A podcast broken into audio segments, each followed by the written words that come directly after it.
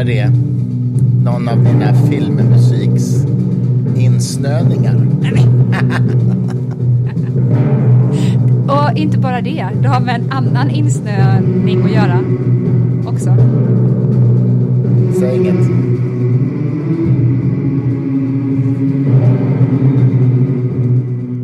Ja. Ja, alltså jag, jag gissar då att det här är filmmusiken från nya filmen Napoleon. ja. Ja, Varför blir jag generad? Varför, vad är det? för att du är en Napoleon-nörd av Guds like. Och, ehm, och den hade premiär, vi spelar ju in detta eh, lördagen den, eh, vad är det för datum idag egentligen? 25, ja precis. Ja, Och eh, eh, den hade ju premiär för tre dagar sedan. ja, precis. Ridley Scotts film om Napoleon. Vi har inte sett den ännu. Nej, det enda som kan hålla mig från att inte se den, det är ju att vi ska ha en jättehärlig födelsedagskväll hemma med Leo Leo. Precis, min son fyller 14 år idag. Ja, så Skål för Leo. Skål för Leo. Som just nu måste sitta och tvingas vara helt tyst på övervåningen. Mm. För att vi spelar in, så får han spendera sin födelsedag. En liten stund i alla fall. Ja. Ja, men det är sant. Nej, men, men du, och skål för oss. För vi har eh, känt varandra har i fyra ihop. år. Vi är ihop, just det. Ja, just det. Just det. Vi har inte varit ihop. Nej. Vi är, men, nej, men vi har känt varandra och varit ihop i fyra år. Precis. Skålar vi också för idag. Ja, Men du, eh, Napoleon, ja. Den här filmen har ju recenserats och fått lite blandad kritik, får man väl säga. Men hyllad för sina stora stridsscener. Det är episka slagfältsscener, bland annat den här när Napoleon, Napoleon lurar ut fiendearmén på isen och sen så skjuter han kanonkulor så att isen brister. mm, Och precis. det lär vara sann historia. Ja, om inte jag minns helt fel så är det när han ska göra det här idiotuppdraget Mhm. och invadera Ryssland under vintern. Det är ju aldrig en bra sak. Man lär sig två saker ifall man läser mycket militärhistoria och det är att man ska aldrig invadera Afghanistan och man ska aldrig invadera Ryssland. Det har alltid gått väldigt, väldigt dåligt för alla. Men jag skulle gärna tips på bok till er. Jag skulle jättegärna vilja läsa på vilket vis som Ryssland och Af- Afghanistan har varit de här stora, stora mm, det, den platsen där alla stora hjältar faller. Mm. Du menar USA föll nu sist, när talibanerna tog tillbaka? Ja, de är bara en i ett långt, långt led. Vi går tillbaka till liksom Alexander den store. store. Redan då sa man typ, invadera inte Afghanistan. Nu hette inte det såklart Afghanistan, men det har med just det området att göra. Det är som en bara så här dödens triangel. Så fort man försöker ge sig på det så bara stupar man. Min, eh, ja. Och du menar en bok om varför det har varit så? Precis, jämförelse mm. de två emellan, eller bara om Afghanistan för den delen. Skulle man vilja läsa en historisk analys om varför den platsen är som ett stort helvete bara. Att, eh, Min association annars till, till Napoleons invasion eller försök till invasion av Ryssland är ju den här berömda kart, den här be- berömda gra, grafiska bilden där man ser hur, hur armén rör sig på en geografisk karta och det är ett tjockt band och det smalnar av eh, successivt vartefter de dör. Och det, det intressanta med att den där grafen har, har så att säga en, eh, en helt annan historisk betydelse. Det, det är nämligen, jag läste en bok för många år sedan av Edward Tufte som är professor i, jag vet inte exakt vad han är professor i, men han skrev en bok som heter The Visual Display of Quantitative Information, alltså hur man genom historien har visualiserat numeriska data. Istället för att presentera siffertabeller så har man ju alltid genom historien försökt hitta olika sätt att presentera det som grafer. precis, och, och, och, Och- på olika grafiska sätt också. Ja, ja, ja, alltså, absolut. Och jag, det, jag har en, en Bilder av olika fantastisk, fantastisk bok som heter just Visual Display of Quantitative Information, tror jag den heter, av Edward Tufte, som har med den här som ett paradexempel, därför att om jag minns rätt så visar den här grafen i en enda bild typ nio olika variabler så att säga som samverkar i det här. Jag kommer inte ihåg det här i detalj nu, men jag, dels är det ju en geografisk karta, man ser hur armén rör sig och man ser också hur den ändrar riktning och sådär. Men sen har man också en temperaturskala som finns med i den här bilden hela tiden. Så det finns också en tidsskala förstås, och en temperaturskala. Och det intressanta är då att man ser till exempel när temperaturen går ner kraftigt, när det är väldigt kallt, mm. då smalnar det här strecket, det här tjocka bandet smalnar av lite mer, därför att fler dör då. Så att tjockleken på det här bandet motsvarar an, antalet män i armén, förstår du? Ja. Och eh, nu kommer jag, jag tar ju verkligen det här ur huvudet nu, men den här bilden, googla på den säger jag Jag lägger ut en lyssnar. bild på det på vårt Instagram. Ja, ja det kan du göra, för det, det, är alltså, det är liksom en historisk, klassisk bild, en graf, mm. som då presenterar väldigt många variabler Samtidigt. i en och samma bild. Och det som, det som Tafti skriver i någon annan bok som jag läste för många år sedan, det är rätt kul, det är att man säger så här, vi imponerade nu av så här PowerPoint och, PowerPoint och Excels liksom, grafikpaket, men de kan ingenting jämfört med den kreativa uppfinningsrikedom som har funnits historiskt mm. för att presentera statistik på olika sätt och faktiskt också även ljuga med statistik genom att eh, presentera grafer på smarta sätt, så att säga, mm. om man har det uppsåtet. Ja, nåväl, det var en liten parentes i statistikvärlden. Men eh, du ser också fram emot att se filmer med mig. Napoleon. Ja, ja, absolut. Det ska bli jättekul. Begriper du att jag kommer liksom sitta och gråta ibland? Bara för att jag är tagen av att jag kan få lite hum om hur det var för honom i olika situationer. Sen så vet jag, det är aldrig ett gott tecken när en film om Napoleon är gjord av en mm. engelsman som Ridley Scott är. Och mm. engelsmännen har ju verkligen ett nedärvt hat mot, mot Napoleon. Inte bara fransmän mm. i stort, utan specifikt mot Napoleon. Mm. mm. Deras hjälte på den här tiden var ju Lord Nelson. Mm. Och han var ju då den här stora sjökapten, kanske är svårt för, för, för enkelt att säga. Kan det vara sjögeneral? I don't know. Men han var, mm. blev i alla fall den nationella hjälten efter de här slagen som faktiskt Napoleon förlorade i. Mm. Och det finns faktiskt, eh, det är därför som eh, Trafalgar Square finns i London och det är ett stort sjöslag mellan Lord Nelson och Napoleon, mm. då Nelson vann. Men eh, det var så himla fantastiskt att höra på någon historiepodd om hur Napoleon som ung man, mm. när han skulle åka Nej, förlåt, nu säger jag fel. Ja, han var ju ung, men så ung var han inte som jag trodde. Det finns ett tillfälle då han ska alltså åka från Egypten och där är han, vet jag, 1791. Och eh, då finns det ett fartyg som avgår som Napoleon är på och Nord Nelson har liksom då smält sönder massa andra av fartygen som då eh, tillhör franska flottan. Och Napoleon är jätteung och Nelson är liksom jätteung. Och eh, Nelson är då inte heller högst i rang. Han har den stora karriären framför sig, liksom Napoleon har. Napoleon är heller inte kejsare vid den här tiden, utan båda de här två männen vid det här tillfället är eh, i eh, avtrampet mot sina karriärer, men de har inte nått toppen än. Och när då Napoleon och det här fartyget som han är på avgår från Egypten, då frågar Lord Nelson, en annan, ja, hans kapten då, alltså Nelsons överbefälhavare, han frågar honom, ska vi skjuta ner det där fartyget? Du ser att de är på väg bort härifrån. Och då säger alltså Nelsons chef, mm. eh, nej, det ska vi inte. Vi har redan smält sönder så många fartyg, vi kan låta ett åka iväg så att ryktet sprider sig om hur pass, ja, hur pass överlägsna vi är. Snacka om öd, liksom. ja, slumpen. Vet, hade de skjutit sönder det där fartyget, då hade Europa idag sett helt annorlunda ut. För hade Napoleon gått under med det, vet bara kod Napoleon som vi har, den juridiken då som verkligen har upplysningstiden i sitt centrum, mm. som jag skulle vilja säga skyndade på civilisationen till det bättre i Europa. Eh, jag menar, kvinnors rättigheter, han drev ju verkligen igenom änkepension till exempel, var han den första att mm. göra, postväsendets utformning. Han lämnade så pass mycket efter sig som vi idag har som infrastruktur fortfarande.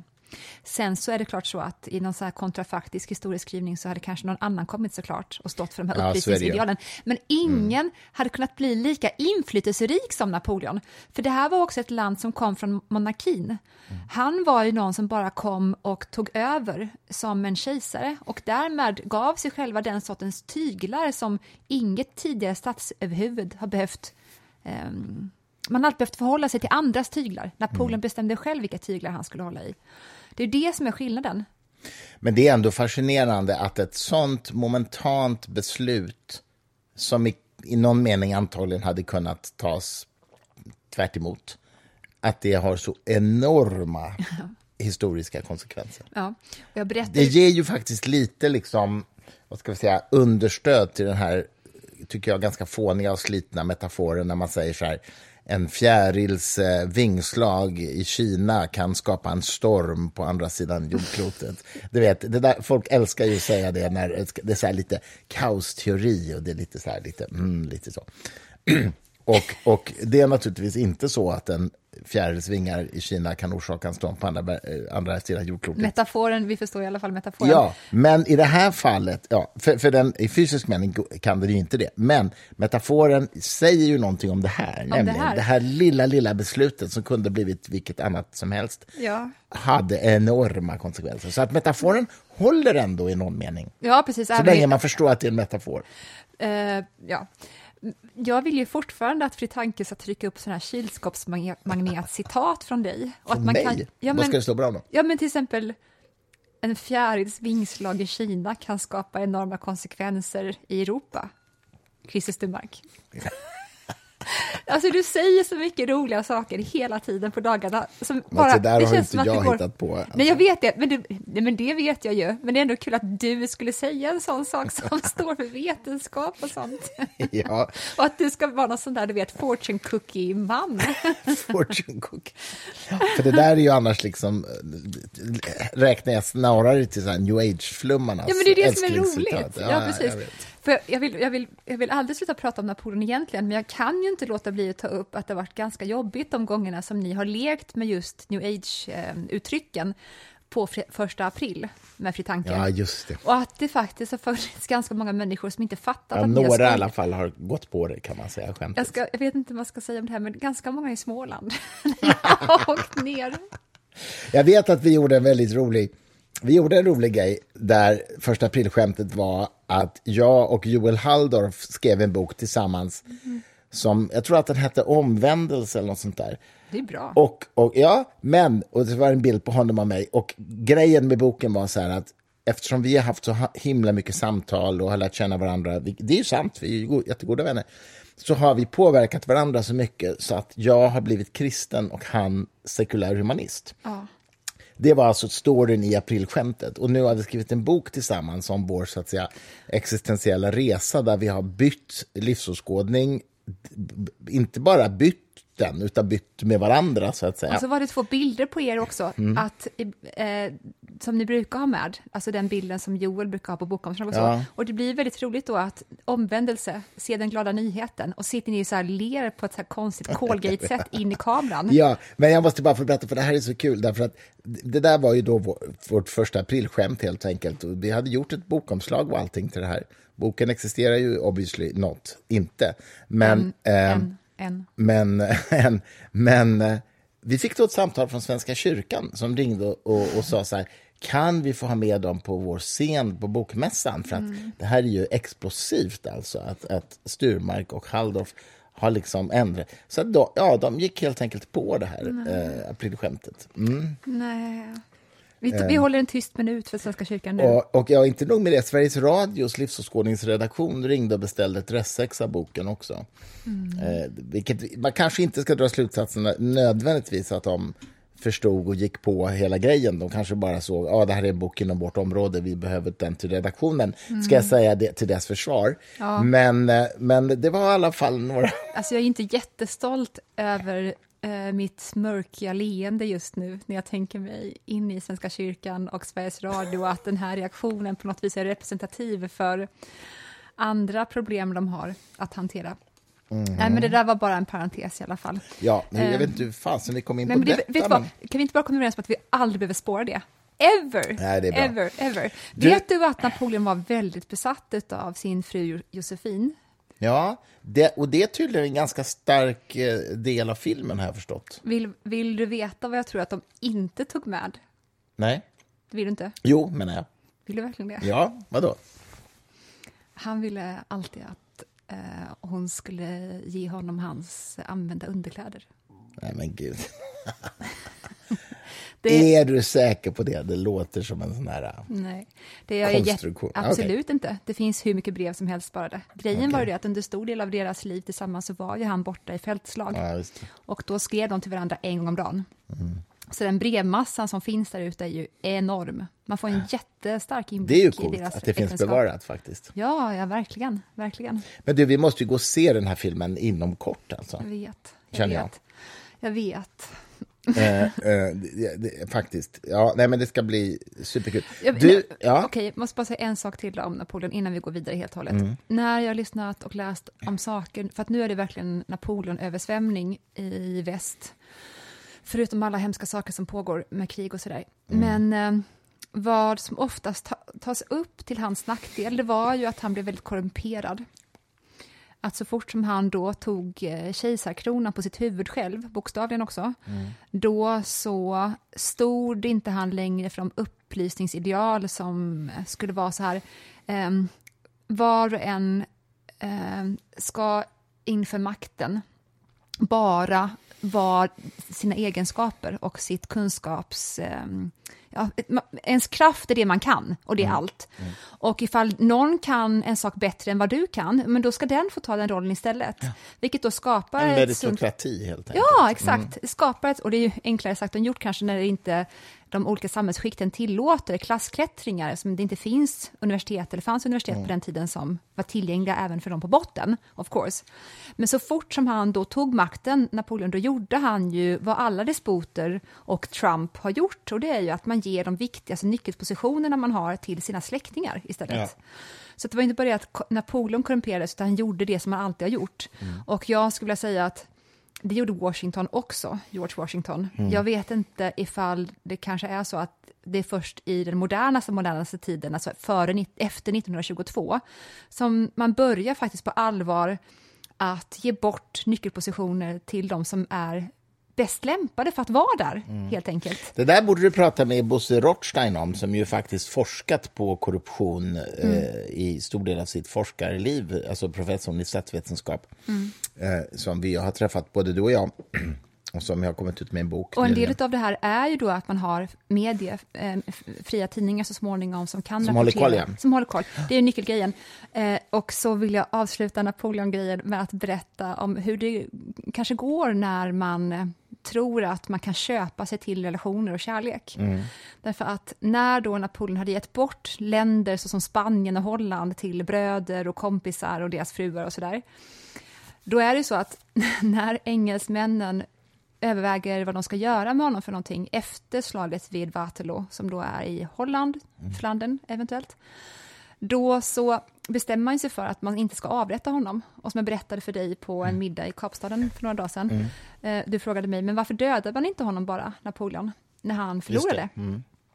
Och eh, engelsmännens egna förklaring i alla fall, sen kanske det fanns luriga, sluga, fler motiv bakom, men deras yttre förklaring var i alla fall eh, därför att eh, för det första så dödar man inte någon som är en monark. Eh, I England hade en monark blivit dödad på 1670-talet som heter Charles den andra och man ville inte vara med om att uppmuntra till sånt beteende helt enkelt. Eller som i franska revolutionen dessutom. Och sen så var det också inte gentlemannamässigt att döda någon som hade varit så pass inflytelserik. Så ifall du var en sån uppburen person som Napoleon var, oavsett vad du tyckte om honom eller inte, så var han ändå då, eh, han hade frisedel till att leva i alla fall. Det, där, ja, det är en intressant, det är ju en slags etik i detta. Ja, det är det absolut. Och en viss också elitism, för att jag menar, de skulle ju aldrig såklart hantera en, en upprorsmakare på ett sånt sätt Nej. som kom från de lägre klasserna. Nej, nej. Men när de då kommer fram till engelsmännen, alltså att Napoleon ska skickas iväg till en ö ännu längre bort än förra gången vi skickade iväg honom någonstans, för de skickade iväg honom till Elba. Och de hittar den här ön då till slut som är Sankt Helena utanför Afrika, Sydafrika. Då så, Napoleon då får ju veta att han faktiskt snällt nog får ta med sig typ 34 pers dit. Betjänter och sånt. Men ja, betjänter finns där faktiskt. Han får alltså ett helt gods där. Men, s- och inte bara betjänter, snygga husor. Ja, ja, just, det, just det, just det, just det. För Ja. han får barn med sin husa, va? Ja, precis. Och Som hon också subtilt nog döper till Napoleona.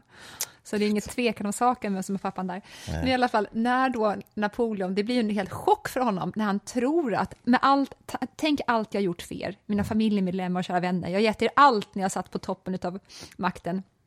Så när han får veta då att han ska åka dit och han får ta med sig människor, han bara yes, okej, så eh, vi, vilka följer med då?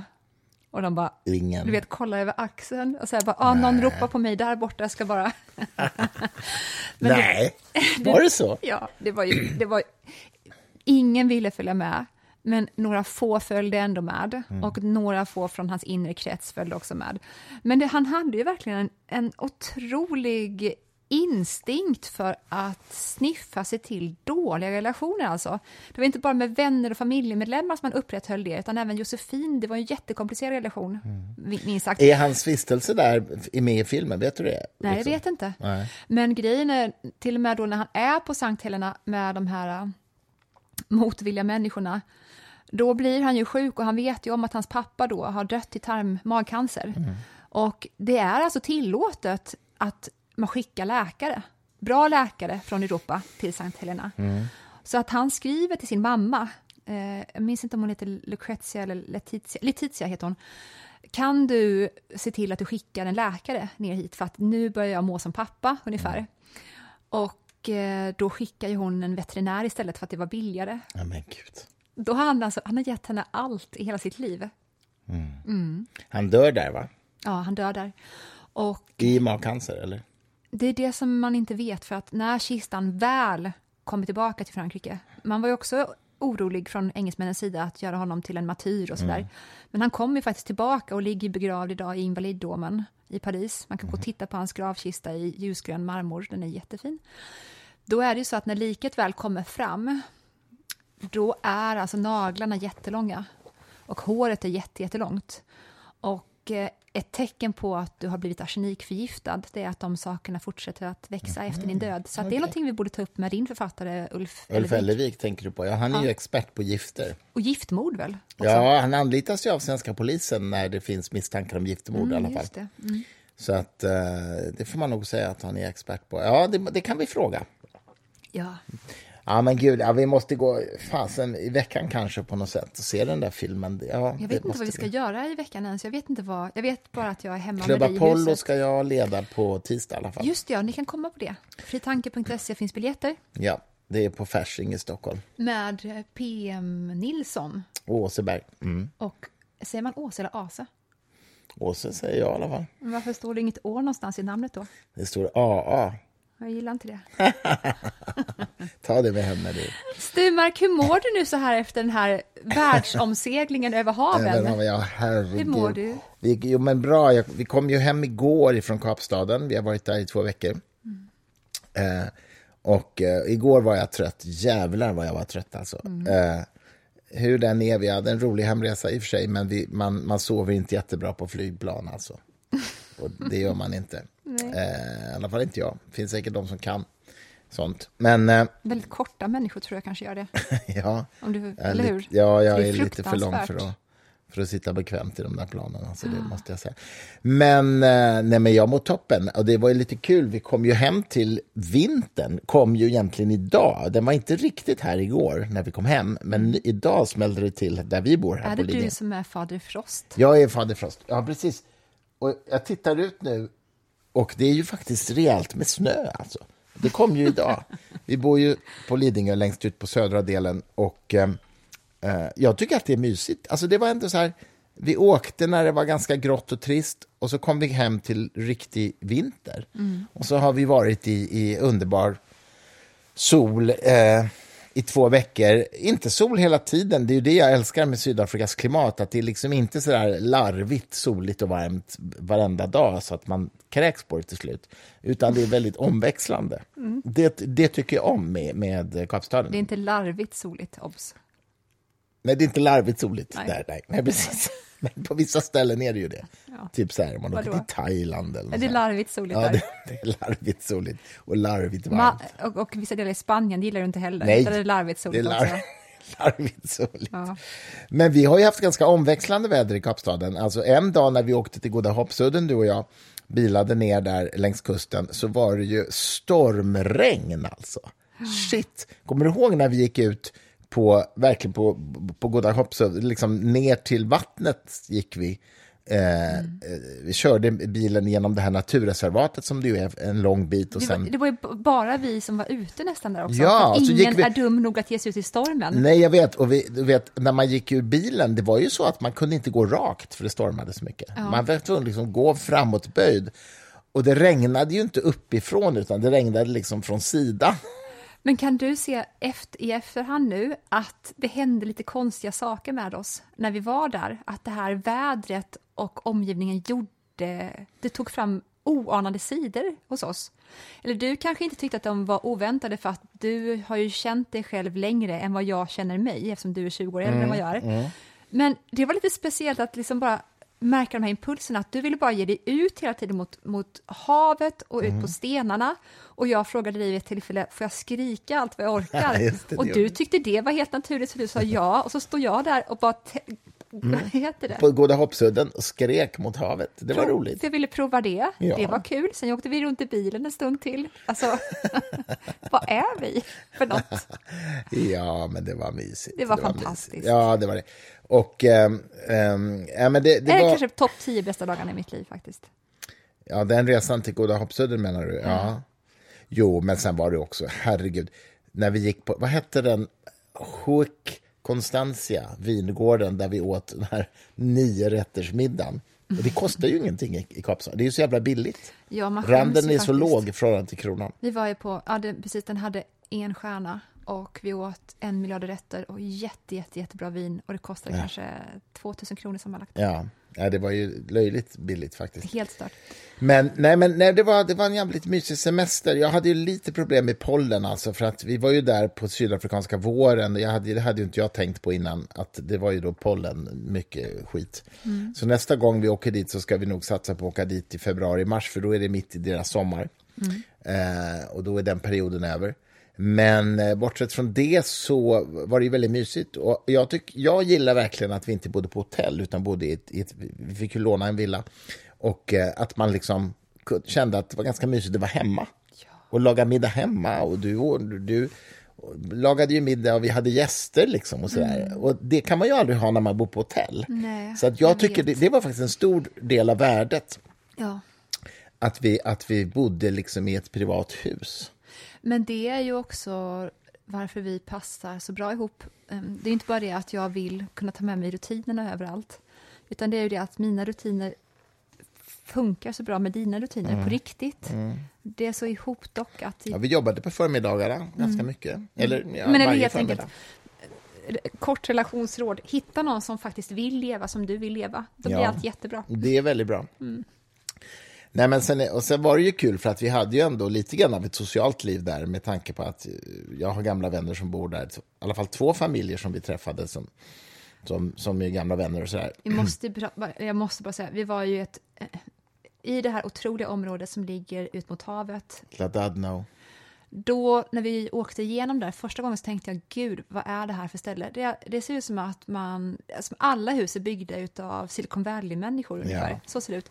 Så tänkte jag, vilka bor här? Och då var det ju din kompis och ja. min också då, Stefan och Anette. Mm, precis, vi var på middagsdagen en kväll och det huset är ju så här, jag har aldrig varit med om ett liknande hus. Det, det hänger helt över en klippa ja. med solbäddar på klipporna ja. och det är pool. Ja, skitsamma. Det Otroligt var läckert. Det var mycket bra.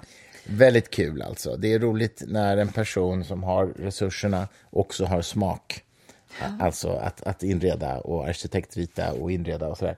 Nej, det var, det var en upplevelse faktiskt. Nu behöver inte du säga det här namnet, men jag tycker det är väldigt roligt varje gång som du berättar om att det här med smak och pengar inte går hand i hand och så brukar du ta upp en person som vi inte ska säga ja, ska inte. när du var hemma hos henne och att du alltid brukar säga då Eh, ja, men, det... Jag kan säga, för att det, det, det men, nej, men så här, jag, jag några gånger i livet haft nöjet att, att, att vara bekant med personer som har då tjänat väldigt mycket pengar och, och och om det då inte åtföljs av god smak så har jag sett resultatet av det. Ett hus som byggdes på en undisclosed place i Sverige. Eh, det måste kosta precis hur mycket som helst, men det var som att komma hem till liksom Saddam Hussein. Eh, det var liksom så här guldkranar, alltså det var, det var guldtassar, ja, guldtassar och guldkranar. Det var fruktansvärt alltså. Ja. Och sen har jag ett, andra exemplet, en annan person behöver vi inte heller nämna, som jag hade en del att göra med för ett antal år sedan, som också har resurser utöver det normala, minst sagt, men som har otroligt god smak och då bygg, skapar ett hem som är helt underbart att röra sig i. Så det är verkligen, det är verkligen intressant. Var det Alltså. Teppas fågel, Fågelberg? Nej, Skojar, det var jätteroligt om det hade varit Teppas Fågelberg. Nej, men stackarn, han är ju dessutom blind, så han ser väl inte ens. Man måste väl kunna skoja med blinda, likadant som med icke-blinda. Vad är det för nedvärderande diskriminerings... Mm. Nej, men det kanske inte är så stor idé att inreda med konst och Och sådär. just det, fuck, det tänkte jag inte. Nej, på. det gjorde du inte, va? Förlåt! Nej men gud. jag tänkte inte på det. Nej, så kan det gå. Nu går vi vidare. Nu går vi vidare. Du, men får jag bara säga en annan dramatisk sak som ju hände medan vi var i Kapstaden och som ju jag följde noga i media. Det är ju faktiskt det här enorma Silicon Valley-dramat när Sam Altman, vd för OpenAI, får sparken av sin styrelse, anställs av Microsoft, men sen återvänder till OpenAI efter att de har kickat styrelsen. Alltså det var ju det mest bizarra drama. Genant också va? Vad sa du? Genant! Ja, Alla som han, hanterar varumärkesbygge, Ja. de som sitter på marknadsavdelningen, ja att, att sånt här läcker ut och får såna Mm. konsekvenser, det ska ju inte hända egentligen. Nej, jag vet. Och, och det, det, jag, jag är ju inte mer insatt än vad media har berättat om detta, men det verkar ju som att det har att göra med att det är en väldigt, väldigt ovanlig företagskonstruktion eftersom det är en non-profit-organisation som startade OpenAI, men de har då skapat ett kommersiellt dotterbolag som har tagit in investeringar och som ska skapa produkter, till exempel ChatGPT-4 som ju är världens snabbast växande internettjänst någonsin. Jag tror att de fick, tre, de fick 100 miljoner användare på tre månader eller något sånt där. Vilket liksom slår alla andra internettjänster, Facebook och allt vad du kan tänka dig, eh, när det gäller så att säga, tillväxthastighet. Och det är ju betalande kunder alltså som, som, som, som jag talar om här. och så vitt det verkar så har ju konflikten handlat om styrelsens fokus på AI-säkerhet, non-profit, vi måste vara säkra på att AI inte är skadligt för världen och sen då att Sam Altman har varit mer fokuserad på att ta produkter till marknaden som kan ge intäkter. Det konstigt. verkar vara konflikten. Ju, eftersom det är non-profit och han inte själv äger något i företaget. Nej, dessutom Sam Altman äger ingenting. Det, det, det är också Det jättekonstigt. Han är ju jätteförmögen sen tidigare, för han är en tung inves- investerare i, i Silicon Valley. Så han behöver inte mer pengar. Men det konstiga är ju liksom att i normalt fall, i normala fall i företagsvärlden så är det ju så att styrelser kickar vd för att de inte drar in tillräckligt med profit. Det är då man byter vd. Här har man alltså så att säga det motsatta, att en vd blir kickad för att han drar in för mycket. Det är så de har paketerat det i alla Ja, fall. och det så kan det kan ju också vara- vara... extremt smart skadehantering I från know, I know. Det- Man vet aldrig. Det, alltså, det finns ju en bok som någon borde skriva om det här. Är det det du ska göra? Ja, inte just jag kanske, men någon borde göra det. Alltså det är ju det är otroligt intressant case. Så, nu börjar ju också konspirationsteorierna florera. Jag tror att det kommer mer av det. Jag läste någonstans på nätet så här att ja, men det kanske är så att de hade en ny superutvecklad version av ChatGPT4 som kallas för Q-star, tror jag som de eh, anser skulle vara så fa- farligt för mänskligheten att släppa och att Sam Altman ville släppa den och styrelsen ville inte släppa den. Alltså nu kommer, du vet, hela den här of course, debatten om kommer AI kunna bli medveten och, och vilja skada människan och sådär. Mm. Nu börjar ju liksom teorierna komma om att de hade i sitt labb någonting Ja, som var lite för farligt för att släppa och att det blev en konflikt kring det. Vi får se. Have fun We'll all you see. people out there i mänsklighetens så kallade civilisation. We'll, we'll, we'll see. Ja, nej, men det... Jag som ändå har vuxit upp i internetkulturen, alltså varit verksam i den, jag tycker ändå det är rätt kul att följa de här olika uttrycken för liksom, vad ska man kalla det för, teknologi, kultur som det här ändå är. Någon. Var du en sån där, ehm, jag höll på att säga problembarn, men jag menar inte riktigt det. Men att du, att du kom och Mm. röjde loss och var jobbig och höll på och jid, jiddra mot de satta konstitutionerna och varför ska allt vara så här och nu använder jag nätet till min fördel Ja, för att bevisa. Ja. Absolut. När jag startade mitt Cell Network på 90-talet så gjorde vi ju bland annat, det var rätt kul, svenska regeringen eh, hade då, släppte fyra, tror jag, så kallade digital-tv-koncessionsrätter, det vill säga rättigheter att sända tv i ett digitalt nät. Men där, en gång till, bara så att jag förstår. Svenska regeringen släppte fyra stycken. Ja, jag fattar om, inte. om det var fyra minns jag inte, kanske var tre eller fem, jag minns Okej, inte. men de hade i alla fall... Eh, de satt på att få... De enda Ja, i men, Sverige ja, ja, att få göra det. Alltså, nu, nu är jag, jag är verkligen ingen expert på det här, så ta det här med en stor nypa salt. Men jag tror ungefär att det var på det här viset. Mm. Du vet att en gång i tiden så var det ju förbjudet med kommersiell tv överhuvudtaget. Mm, Det var därför TV3, som ju min pappa var med och startade, de sände från London istället. Sändes, sändes skutt också från London, tror du? var det skutt? Förlåt. Det är så här blinkning till alla som är födda 1984. Alla som såg på TV3 som barn, då var det så här Agneta och Skutt. Skutt var en så här grön, konstig varelse, som hon, Mm. en docka. Jag, jag, jag var tvungen att säga det bara. Ja, men jag tror att TV3 lanserades 1987, om jag minns rätt. Nu chansar jag lite. Eh, Men eh, jag var på premiärkvällen, den hölls på något ställe i Stockholm, minns jag. Och min pappa var då ansvarig för sändningen. Han fick i uppdrag av eh, Stenbeck eh, tillsammans med Janne Fridman att starta kanalen. Och eh, detta var då olagligt enligt svensk lag att sända kommersiell tv i Sverige. Så vad man gjorde var att man la sändningskontoret i London och så sände man över Sverige via satellit så att man riktade sändningarna till Sverige. Och då kringgick man lagen. Som man gör, gjorde sen med Wien så småningom också. Då Ja, var det ju ja. England som man... Exakt. Men sen ändrades ju lagen och det var ju därför TV4 kunde komma till stånd. Och i den här vevan så, och, och nu kan inte jag den här tekniken, men jag förmodar att det handlade om att, att sända digitalt på något sätt och att regeringen ändå, så att säga, tillät inte vem som helst att göra detta, utan man beh- behövde ett sändningstillstånd. Aha, och då fanns ett begränsat antal? Ja, Okej. och då var det så att du utlöste regeringen. Nu blir det möjligt för några nya bolag att få ett sånt här sändningstillstånd. Och det var då fyra eller fem som skulle liksom eh, som, som man skulle buda om helt enkelt. Buda? Nej, inte, inte buda i pengar, utan man skulle argumentera för hur man skulle använda dem. Ja, som i en offentlig upphandling typ. Exakt. Och då, gjorde, då skrev jag en, eh, tillsammans med mitt bolag då, en ansökan om det här, därför att vi höll ju på med internet. Och det var ingen som tänkte på på den tiden att man, man kan sända tv på nät, internet lika väl som i ett digitalt tv-nät. Det här låter ju helt koko idag, därför alla fattar ju att man kan göra tv på internet. Men det här är alltså... Men Youtube fanns inte. Det här, är, det här är 1997, typ. Så att, och jag minns så väl att när vi skickade in den här ansökan så blev det ett jävla liv därför att andra bolag ansåg då att ni har inte berättat för oss att även vi hade kunnat söka trots att vi inte är ett tv-bolag. Hur svenskt? Och mitt argument var ju så här att ja, men det var ingen som behövde berätta det utan det är ju bara att söka. Det var ingen som berättade det för er. Nej, därför att ett digitalt nät är ett digitalt nät oavsett om man kallar det internet eller tv-bolag eller, eller internetkonsultbolag eller vad fan du vill. Ja, och vi fick en sån här sändningstillstånd i alla fall. Vad gjorde du med det? Jo, men det, låg, det la vi då i ett bolag i det som hette Cell Ventures som var en sån här affärskuvös som var en del av det som jag höll på med på den tiden.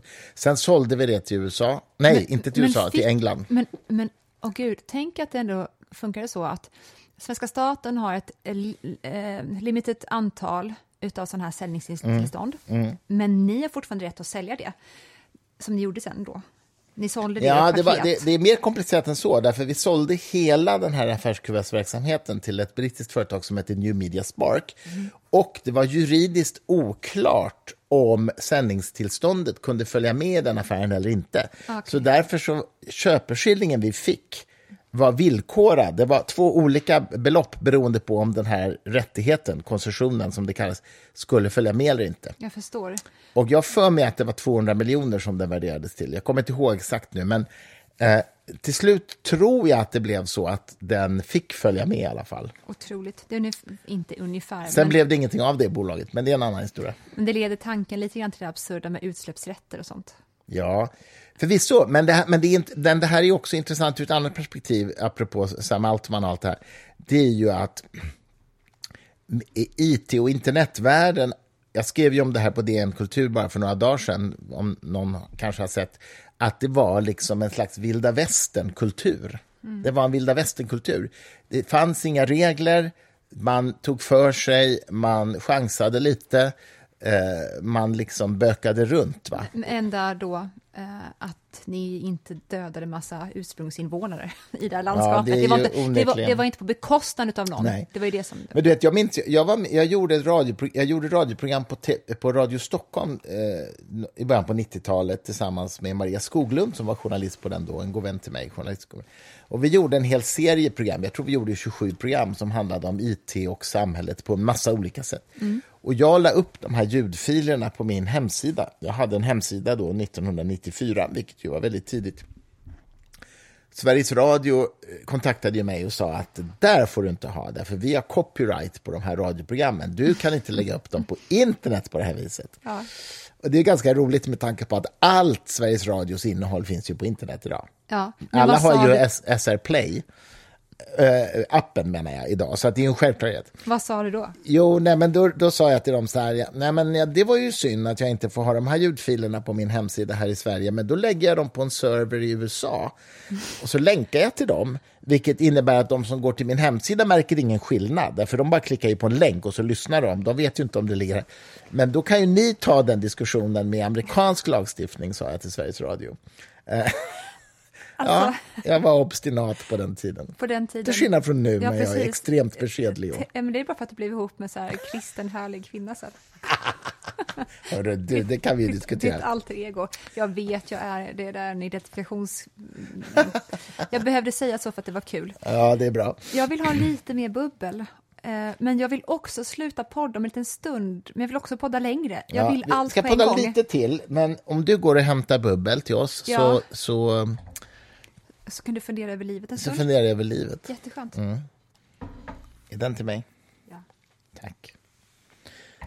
Nu fick jag lite påfyllning av champagne här av min kära hustru. Det tackar jag för. Jag vill berätta en sak till då. Jag vill att du ska det. Så länge vi är kvar i nu den här... Nu fick jag lite popcorn och champagne så att jag... Ja, precis. Men tugga inte i podden, säger jag bara. Tugga inte för, för i podden. Det låter inte så kul. Prata inte i podden. alltså, okej. Okay. Eh, apropå, eh, apropå internetkultur, eh, eh, internetrebelliskhet som jag som sagt skrev en, en lång essä om på DN Kultur häromdagen, eh, så var jag eh, perifert lite grann inblandad i kuppen mot scientologikyrkan 1996 som faktiskt är rätt kul att berätta, för den fick ju återverkningar till, till, i USA, till och med Vita huset reagerade på det där.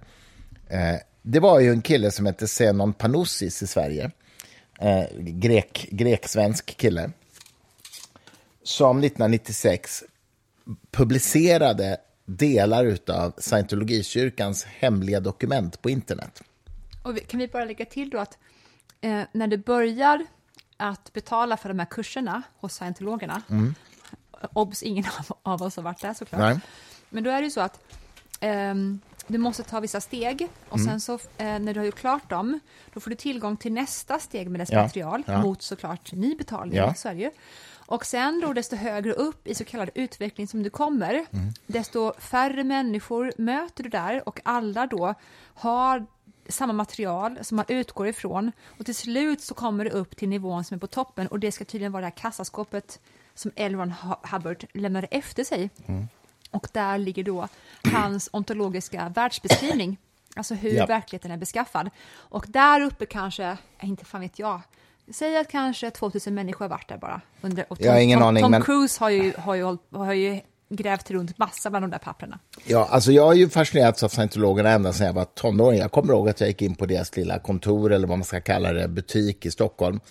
Eh, man kunde liksom gå in och få material och man kunde också gå in och göra en sån här reading med en sån här e-meter som de har. Man håller i några metallstavar och så ska man känna efter hur ens psykiska hälsa är och sådär. Ah, ja, okay. ja, det där och, är aldrig eh, bra tecken alltså på mm, någon verksamhet. Nej, men det är ju att de vill att du ska hålla i sådana ja, men Det är ju totalgalet alltihopa. Men Elrod Hubbard som, Hubbard som grundade scientologikyrkan var ju en, en, en eh, misslyckad science fiction-författare helt enkelt. Han skrev lite science fiction-böcker som inte var något bra.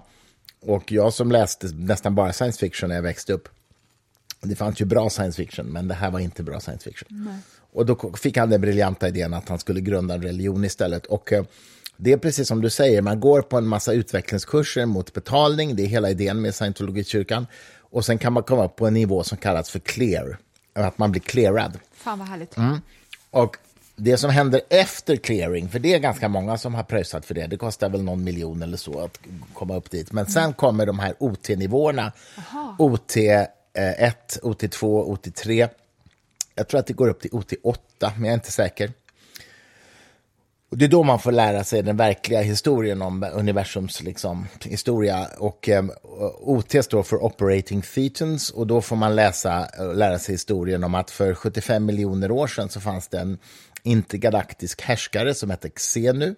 Och Xenu härskade över 76 planeter, tror jag det var. Och de led av svår överbefolkning.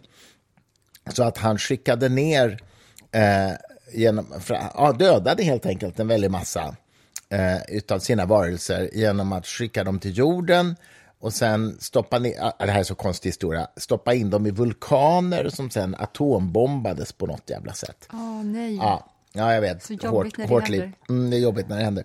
Och de här titanerna är som en slags andevarelser och de dog inte utan de finns fortfarande på jorden då och liksom stör våra psyken helt enkelt.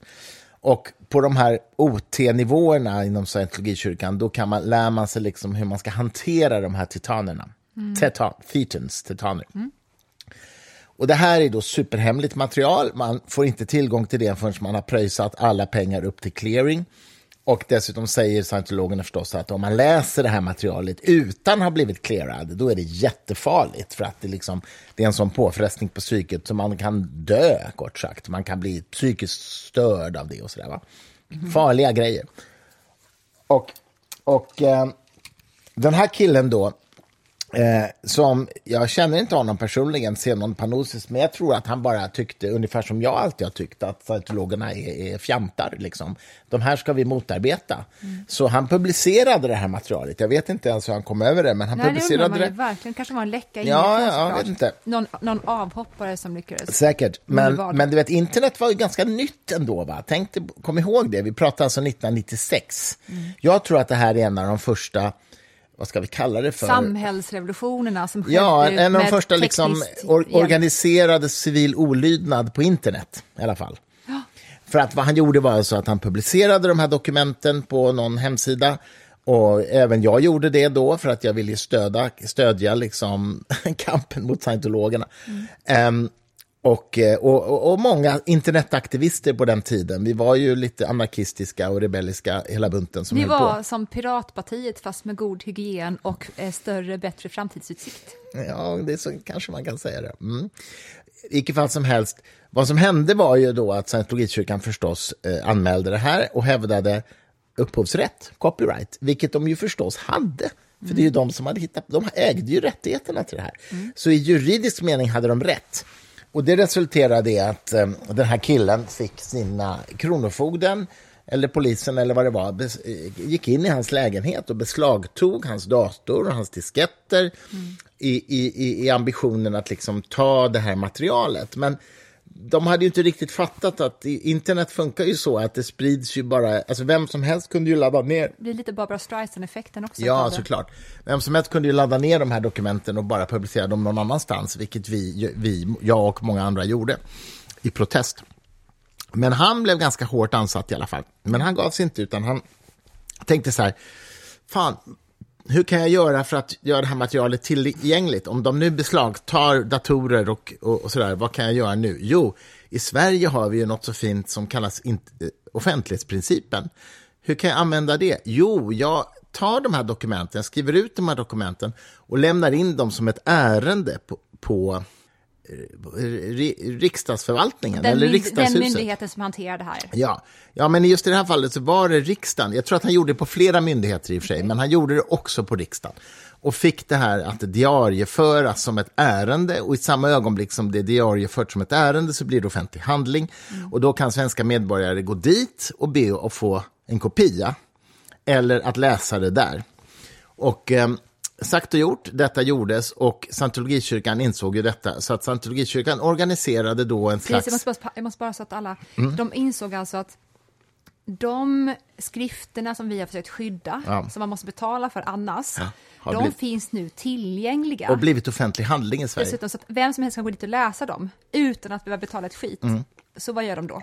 Jo, då sätter de igång en massa volontärer i, som i skift sitter på den här utlämningsplatsen, vad det nu är, i riksdagshuset, sätter sig och begär ut de här handlingarna. Så sitter de då med dem i två timmar och Så håller i dem. ingen som, som inte är scientolog kan komma åt dem. Nej, precis. Därför att de begär ut de här handlingarna, vilket man tydligen kunde göra då på något sätt i original. Eh, jag, jag tror till och med att det var så att i något ögonblick så, så stals de här, men den här killen som kämpade mot scientologerna, Panosis, han gjorde ju bara en ny kopia och lämnade in igen, så det hjälpte ju inte såklart. Eh, I vilket fall, så de satt där liksom dygnet runt, och, eller när de hade öppet i alla fall, och liksom höll i de här skrifterna. Och eh, ja, det blev en jävla cirkus. Och jag hörde en intervju med eh, den ansvariga tjänstemannen där som sa att eh, de blev jävligt irriterade till slut på att de här satt där. Så att de kom på att att lämna ut dem behöver inte nödvändigtvis betyda att de ska få sitta vid ett skrivbord i en stol, utan då tog de ett exemplar och kedjade fast i någon stång i något hörn där. Så att om man skulle läsa den så var man tvungen att stå, man hade ingen stol att sitta på. Vad tror du om de har kedjat fast scientologen i en Ja, stång? ja, det hade väl varit bättre. Men, men eh, det hjälpte inte. Scientologerna stod där snällt och, och va- vaktade det här. Så vitt jag vet så blev det här en internationell grej. Jag, Tyvärr kan jag inte redogöra för exakt vad som hände, men jag vet att Vita huset och USA på något sätt blev inblandade i den här historien. Ja, det är skitdåligt att inte veta detta, men eh, jag minns inte. Det finns ju några få scientologer som är världskändisar kvar, förutom Tom Cruise. Och en är ju hon som spelar Mm. Travolta. i... Ja, jag vet inte om han... Ja, det, ja så Ja, är det han är- säkert. ja, han är- Okej. mm. Och sen så hon som spelar i det Kirstie här Alley. Handmaid's Tale. Alltså? Ja. Vem är Kirstie Alley? Ja, Jaha, hon. Ja, men, okej, ja, ja.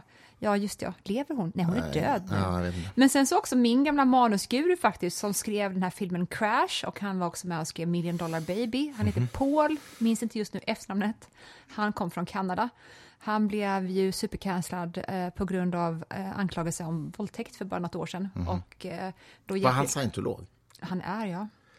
Alltså, vad är det för fel på människor? Nej, men nej, nej, nej, nej. Jag är jungian.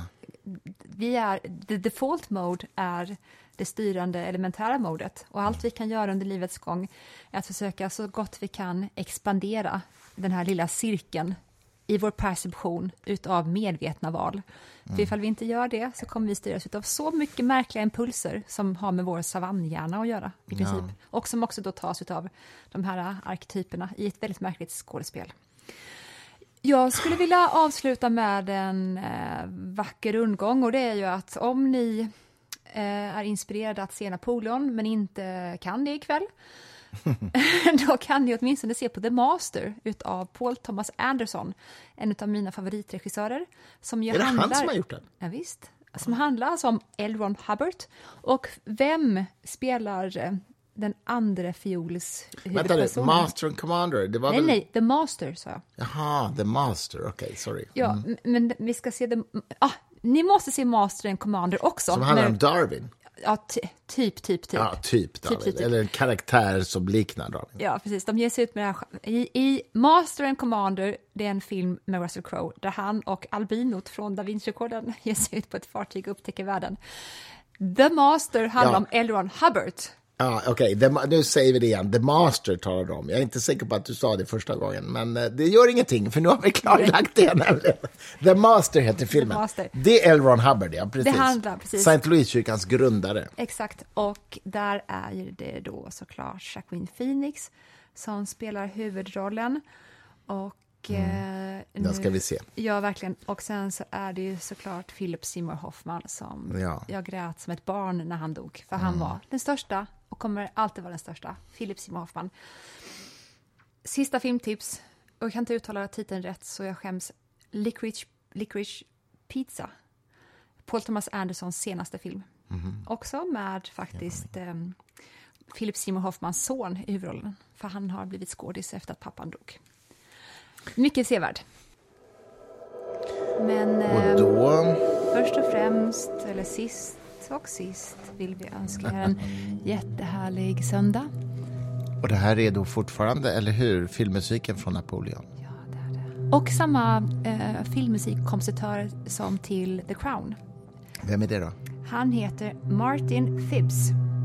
Mycket, mycket bra. Och följer ni inte vår spellista på Spotify, sök på Den Gyllene Grenen och där lägger vi ut all musik. Bra. Ha det bra, ha det bra. Ha en fin söndag.